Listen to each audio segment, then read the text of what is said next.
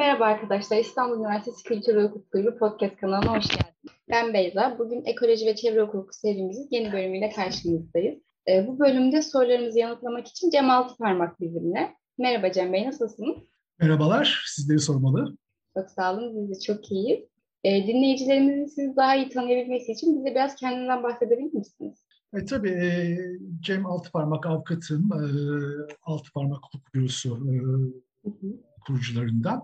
E, çok uzun bir süredir de özellikle e, doğa hakları, iklim, e, ekoloji e, alanında çalışma yapıyoruz büro olarak. E, İzmir Barosu'na bağlı avukatlarız.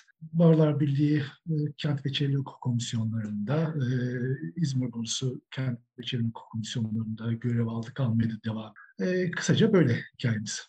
Bizi kırmayıp geldiğiniz için çok teşekkür ederiz. Dilerseniz sorularımıza geçelim. Tabii. E, yakın zamanda gündemimizde olan bir konu var, çöp ithalatı. E, biz biraz bu konuda konuşmak istiyoruz. Öncelikle çöp ithalatı nedir, neden yapılır, biz Türkiye olarak neden buna ihtiyaç duyuyoruz? Aslında meseleye şöyle bakmak lazım. Normalde ithalat kavramını biz para verip bir yerlerden aldığımız nesneler olarak, daha doğrusu yurt dışından aldığımız nesneler olarak değerlendiriyoruz ya.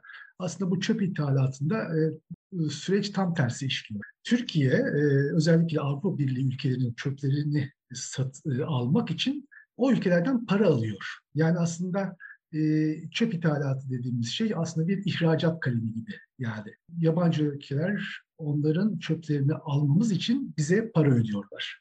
Bu e, özellikle e, 2017'den sonra Türkiye açısından söylüyorum. E, Türkiye açısından 2017'den sonra e, Çin'in e, dünyanın en büyük e, çöp ithalatçısı e, ülkesi olan Çin'in çöp e, ithalatını durdurmasıyla e, ortaya çıktı ve ondan sonra Çin bu süreci kendi adına sona erdirdiğinde diğer ülkeler bu sefer yeni çöp ithalatçısı ülkeleri aramaya başladılar ve e, bunların içerisinde Türkiye, Malezya, Vietnam, Hindistan gibi ülkeler öne çıktı. Fakat Türkiye'deki bu çöp ithalatı rejimi her ne kadar bir takım mevzuat düzenlemeleri olsa bile o kadar kontrolsüz gidiyor ki Türkiye birdenbire 2018'den sonra Avrupa Birliği ülkelerinin e, çöplerini e, alan e, birinci, dünyada en çok çöp ithal eden ülkeler sıralamasında birinci sıraya yükseldi.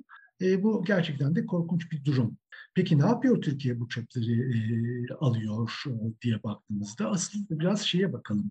Niye alıyoruz? Niye bize bu çöpler e, geliyor? E, bunun için Avrupa Birliği ülkeleri bizi niye para ödüyor, ödüyorlar diye bak. E, şu, şu gerçeklikle karşılaşıyoruz. E, bu çöplerden kastettiğimizde aslında ayrıştırılabilir, ağırlıklı olarak da plastik atıkların bulunduğu çöplerden bahsediyoruz. Şimdi Avrupa Birliği verileri, e, Avrupa Birliği'nde üretilen e, plastik e, çöplerin %78 oranında e, geri ayrıştırılıp toplandığını yani geri kazanım safhasını geçirdiğini görüyor, görüyoruz. Bu iki ayrı yani geri e, ayrıştırma işlemi ayrı bir işlem, e, geri dönüşüm ise tamamıyla farklı bir prosedür.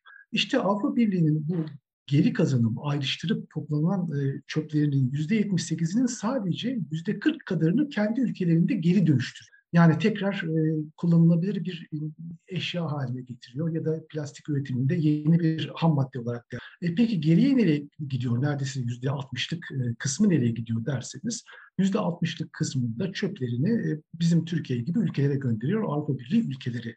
Niye bunu yapıyor? Çünkü Avrupa Birliği hukukuna göre e, geri kazanım, e, dönüştürme maliyetli bir iş e, bu maliyetli işin e, bu maliyetli iş için para ödemektense çok daha ucuza para vererek Türkiye'deki bir ihracatçı firmaya, ithalatçı firmaya para ödeyerek kendi çöpünü Türkiye gibi ülkelere gönderiyor. Ee, peki ne oluyor Türkiye'ye geldiğinde dersiniz Türkiye bu o, geri dönüşüm amacıyla aldığı e, çöpleri gerçekten de geri dönüştürüyor mu?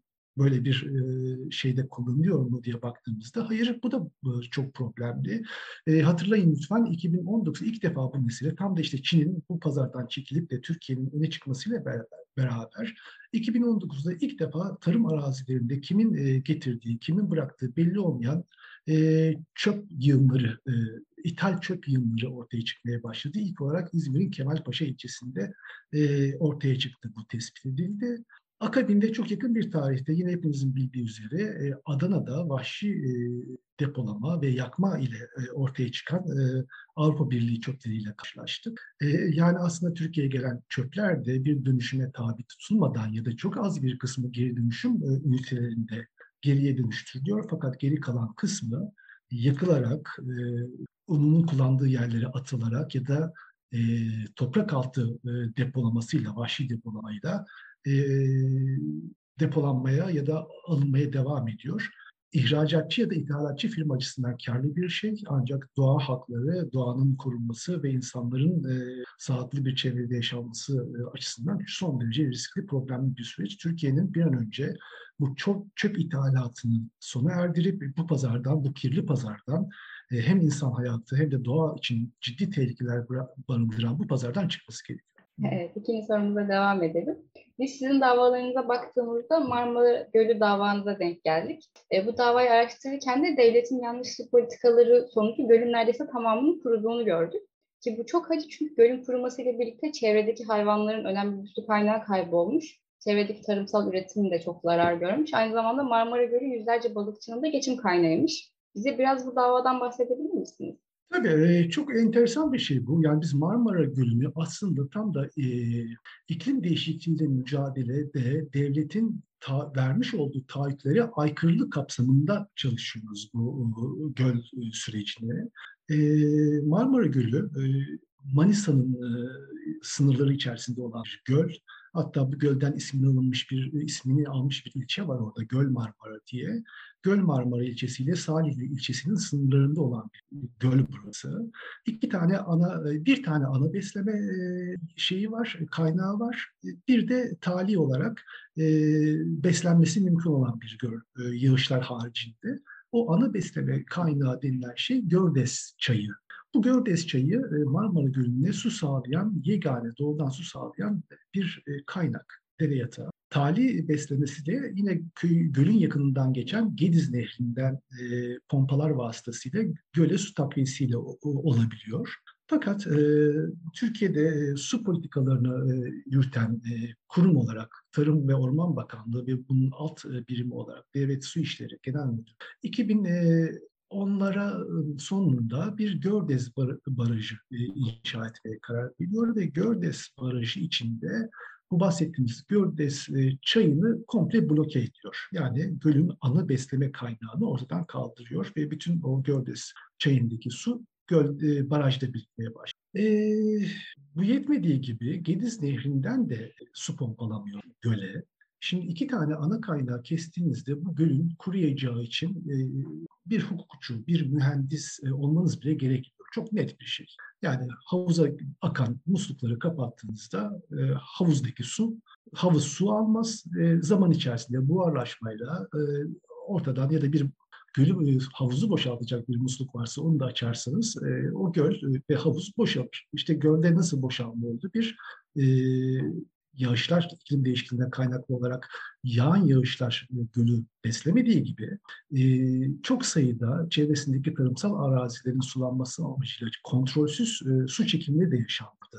E, kaçak e, su kuyuları ortaya çıktı vesaire vesaire. Tabii bunların hepsine baktığımızda bunlar aslında idarenin sorumlu olduğu alanlar içerisinde. Yani kaçak sulamadan, sulamanın engellenmesinden de e, kamu idaresi sorumlu ve göle su getirme e, mecburiyeti de kamu idaresinin üstü. Niye e, mecburiyetinde? Çünkü burası 2017 senesinde uluslararası ulusal öneme haiz sulak alan olarak ilan edilmiş. Yani uluslararası Ramsar Sözleşmesi ile koruma altına alınmış sulak alan yönetmeliğiyle koruma altında olan bir sulak alandan bahsediyoruz nadir türlerin olduğu, sadece Göl Marmara'da yetişen balık türlerinin olduğu, e, tepeli pelikan gibi nesli tükenmekte olan, koruma altında olan türlerin e, geçiş güzergahı olduğu bir göl ve bu gölde aynı zamanda bir balıkçı kooperatifi var. E, çevresindeki e, köylerde yaşayan balıkçılar bu gölden de avlanmak suretiyle geçimlerini idare Kamu idaresi bu kaynakları kestiği andan itibaren su kaynaklarını e, gölün kuruyacağı belliydi ve fakat geçen 10 yıl içerisinde yani gölün e, e, özür diliyorum e, barajın yapıldığı e, tarihten bu zamana kadar geçen 10 yıl içerisinde baraj, e, göl kendisini yavaş yavaş yavaş yavaş tüketti. Sular çekildi. Gölde tek bir yudum su kalmadı.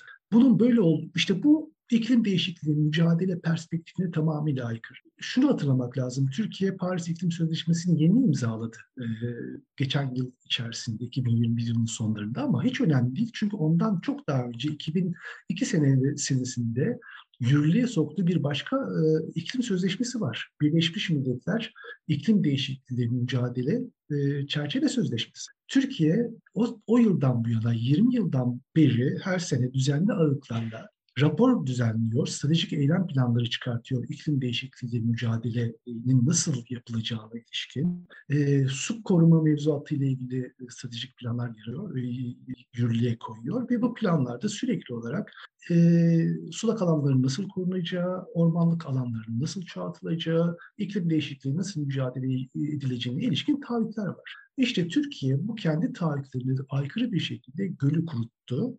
Gölü kuruttuğu yetmiyormuş gibi akabinde gidip aynı zamanda balıkçı kooperatifinden e, bir e, kira istedi. Yani gölde gölü kuruttuğu ve avlanmayı ortadan kaldırdığı balıkçı kooperatifinden bir de avlanma kirası e, açısından kira istemeye kalkınca işte biz hukukçular olarak o da e, onu bir dava haline getirdik e, ve onu Türkiye'nin bir ilk iklim davası olarak çerçevelendirdik. Bu taahhütlere aykırı davranışlar bile olarak. O davayı açtık. Dava yakın bir tarihte sona erdi ve bu davayı kazandık. Bu kira ile ilgili olan e, kooperatiften istedikleri kira bedelini iptal etti mahkeme. E, bizim bahsettiğimiz e, aykırılıklara atıf yaparak. Bununla yetinmedik. E, Doğa Derneği adına bu göllerin tekrar e, suyla buluşmasını e, temin etmek açısından e, idarenin bu eylemsizliğine, atıllığına e, vurgu yapılmasından kamu denetçiliği kurumuna bir başvuruda bulunduk. O hala devam ediyor. Ve şimdi de yakın bir tarihte bu gölle ilgili bir işbirliği tarım arazisi olarak e, madem kurtuldu hadi bakalım e, bir de tarım arazisi olarak kullanalım mantığıyla bir işbirliği protokolü imzalandığını öğrendik kamu idareleri arasında. Yakın bir zamanda o işbirliği protokolünü iptal için dava açacağız. İşte bunların hepsi e, aslında Türkiye'nin iklim değişikliği mücadele taahhütlerine aykırılıktan, o perspektif yok, yoksunluğundan dolayı ortaya çıkan sorunlar ve biz de hukukçu olarak bu sorunlara hukuki yollardan çözüm bulmaya çalışıyoruz. Diğer sorumuzda da e, son dönemlerde sosyal medyada çok konuştuğumuz bir konu var. E, bir grup iklim aktivisti iklim krizine dikkat çekmek için işte sanat eserlerini kullanarak bazı protestolar yapıyorlar.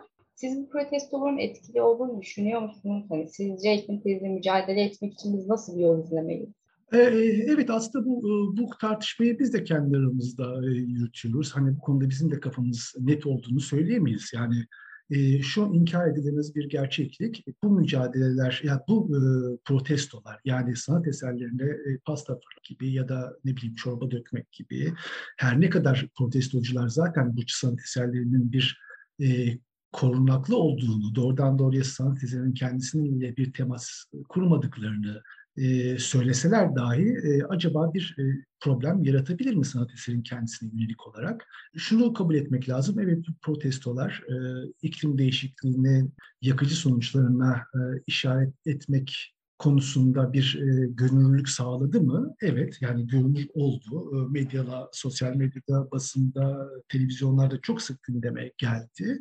Ama e, benim bir şekilde kendi adıma e, zaman içerisinde e, kendi gerçekliğini yitireceğinden dolayı bir endişe taşıyorum işin gerçeği. Yani işin eylemsellik boyutunun çok fazla e, öne çıktığı ve aslında tam da amaca e, amacın ne olduğunun ıskalanacağı bir noktanın e, yaşanacağından endişeliyorum. Evet bu protestolar konuyu gündemde tutmak için işe yarıyor gibi gözüküyor ama şöyle bir e, sorgulama da yaptım. E, evet, e, iklim değişikliği, iklim değişikliği meselesi sıradan e, doğanın, dünyanın kendi döngüsüyle ortaya çıkan, çıkan e, bir sıradan bir iklim değişikliği değil. Evet, bu, bu bizim e, yol açtığımız bir iklim değişikliği. İnsan eliyle e, yol açılan bir iklim değişikliği. Bunun e, sıkıntılarını yaşıyoruz. Evet, bu bunun sıkıntılarını sorgularken şüphesiz kapitalizm de sorgular. Yani bu e, 1800'lerin ortalarından itibaren başlayan sanayi devriminin